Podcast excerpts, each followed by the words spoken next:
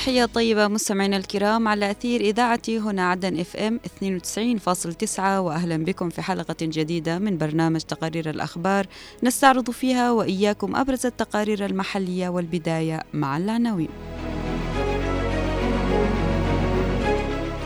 الاجتماع الموسع الذي عقد برئاسة الرئيس الزبيدي بالعاصمة عدن تأكيد على الثوابت وتوضيح لملامح المرحلة المقبلة.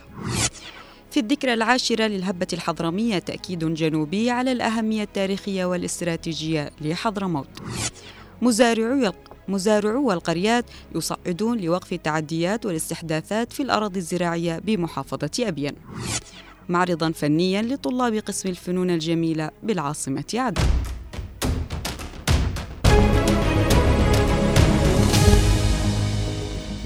جدد الاجتماع الموسع الذي نظمته الأمانة العامة لهيئة رئاسة المجلس الانتقالي برئاسة الرئيس القائد عيدروس قاسم الزبيدي جدد التأكيد على الثوابت الوطنية للجنوب والخطوط العريضة للمجلس الانتقالي الجنوبي وسياساته في المرحلة المقبلة المزيد من التفاصيل في سياق التقرير التالي.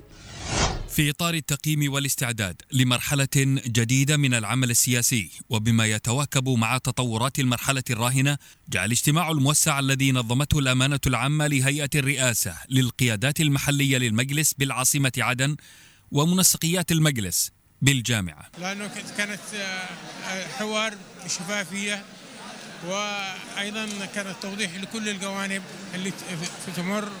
وخاصة بالجانب السياسي والذي يأمن نحن جميعا أن أنه الدولة ستعاد إن شاء الله وهذا الهدف الأساسي للقيادة السياسية. الرئيس القائد عيدروس الزبيدي استعرض في اللقاء مستجدات الأحداث وآخر التطورات السياسية المرتبطة بالعملية السياسية والتصعيد الحوثي وخارطة الطريق المرتقبة وموقف الجنوب منها. مؤكدا أن المجلس الانتقالي متمسك بالثوابت الوطنية للجنوب ولن يتراجع عنها مهما كانت التحديات. لافتا أن قضية شعب الجنوب وصلت إلى مرحلة متقدمة على الصعيدين الاقليمي والدولي وبات الجميع على اقتناع تام بأن حل قضية الجنوب بما يلبي تطلعات الشعب أساس لإحلال السلام بالمنطقة. كان اليوم اللقاء مميز آه، بفضل آه، جهود الأخ الرئيس عيدروس بن قاسم الزبيدي وذلك على المجريات السياسية على المستوى المحلي والمستوى الدولي حيث توضح لنا الكثير من المفاهيم آه، والمجريات التي سوف تجري على الساحة في الداخل والخارج وكان يعني مثابه كلمة الأب لأبنائه. ولأن الجنوب والمنطقة تمران بتطورات لافتة أكد الرئيس الزبيدي أن المرحلة بحاجة إلى مزيد من التمسك ورص الصف والتكامل والانفتاح على جميع أبناء الجنوب بمختلف توجهاتهم وانتماءاتهم والاستعانة بكل الكفاءات والخبرات لتجاوز التحديات والمشاركة في صنع مستقبل دولة الجنوب الفيدرالية المستقلة.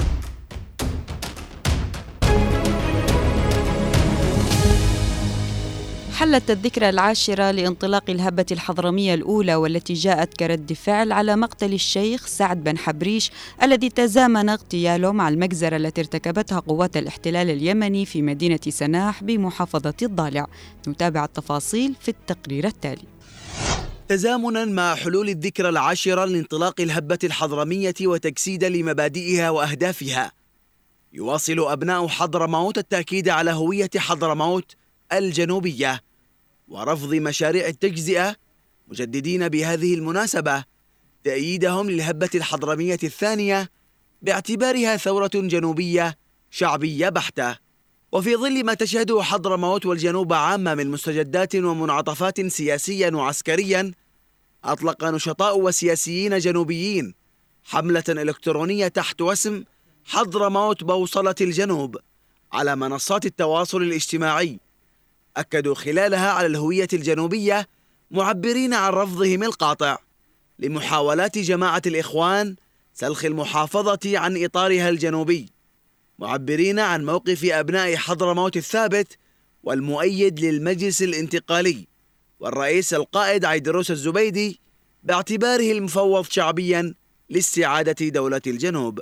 تحذير شديد اللهجة وجهه أبناء حضرموت عبر الحملة الإلكترونية إلى من وصفتهم بالعابثين بأمن المحافظة وذلك من مغبة التمادي في خدمة أجندة قوى الاحتلال اليمني لا سيما تلك التي يجري حياكتها في وادي حضرموت. مؤكدة تصدي أبناء الجنوب لمحاولات تفكيك قوات النخبة الحضرمية أو محاولات منافستها في صلاحيتها الأمنية مشددين على أن أبناء الجنوب عامة وحضرموت خاصة. لن يقبلوا محاولات تفكيك النخبة باعتبارها أهم منجز ومكسب أمني للمحافظة. حضرموت رقم صعب في الجنوب وعاصمته الثانية. هكذا أكد نشطاء الجنوب الأهمية التاريخية للمحافظة وذلك نظرا لما تملكه حضرموت من إرث تاريخي واستراتيجي واقتصادي عظيم.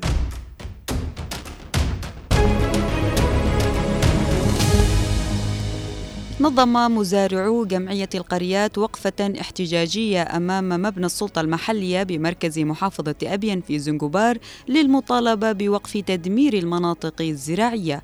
نستمع لبقية التفاصيل في التقرير الآتي.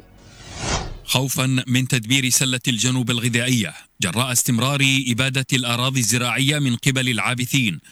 نظم مزارعو جمعية القريات وقفة احتجاجية أمام مبنى السلطة المحلية بمركز محافظة أبين زنجبار للمطالبة بوقف تدمير قنوات الري والقنوات والسدود في المناطق الزراعية.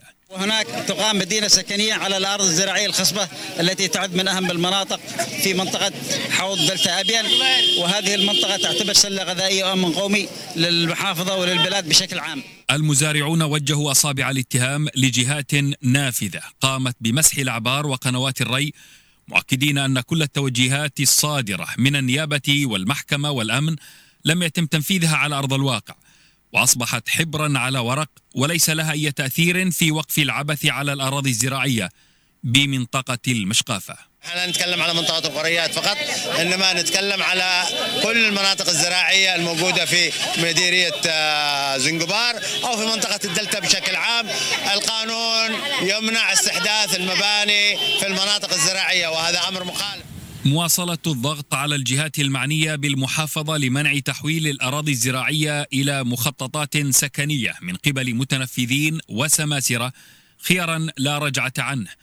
هكذا كان موقف الأهالي في الوقفة الاحتجاجية الذين جددوا دعوتهم للأجهزة القضائية والأمنية بتحمل مسؤولياتها واتخاذ الإجراءات اللازمة لوقف العبث في الأراضي الخضراء.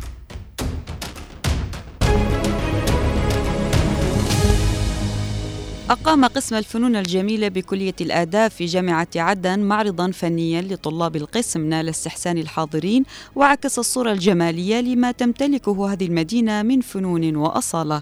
تفاصيل أوفى في سياق هذا التقرير. احتضنت كلية الآداب بجامعة عدن معرضا طلابيا نظمه قسم الفنون الجميلة بحضور رئيس الجامعة الدكتور الخضر الأسور بمعية عميد الكلية الدكتور جمال الحسني ورئيس قسم الفنون الدكتور سامر عبد الباري. إبداعات ومواهب طلاب القسم الدارسين وبالأعمال التشكيلية المتميزة التي قدموها في امتحانات القسم التطبيقية لعدد من المواد الدراسية للفصل الأول من العام الدراسي 2023-2024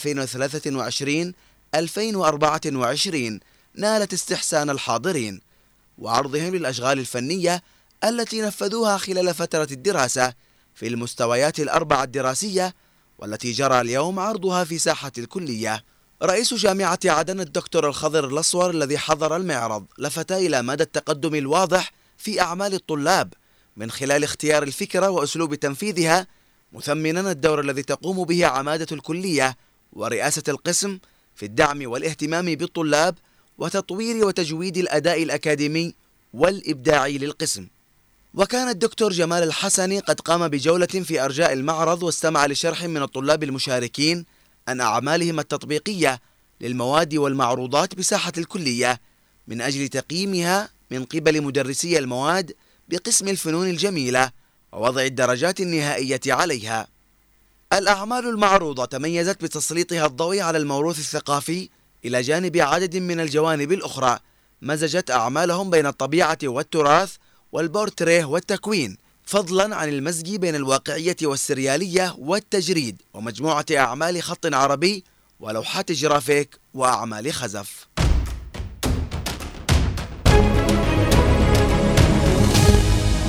مستمعينا الكرام إلى هنا نصل إلى ختام هذه الحلقة من برنامج تقارير الأخبار. كنت معكم من التقديم أنا عفراء البيشي ومن الإخراج خالد الشعيبي. أطيب التحية إلى اللقاء.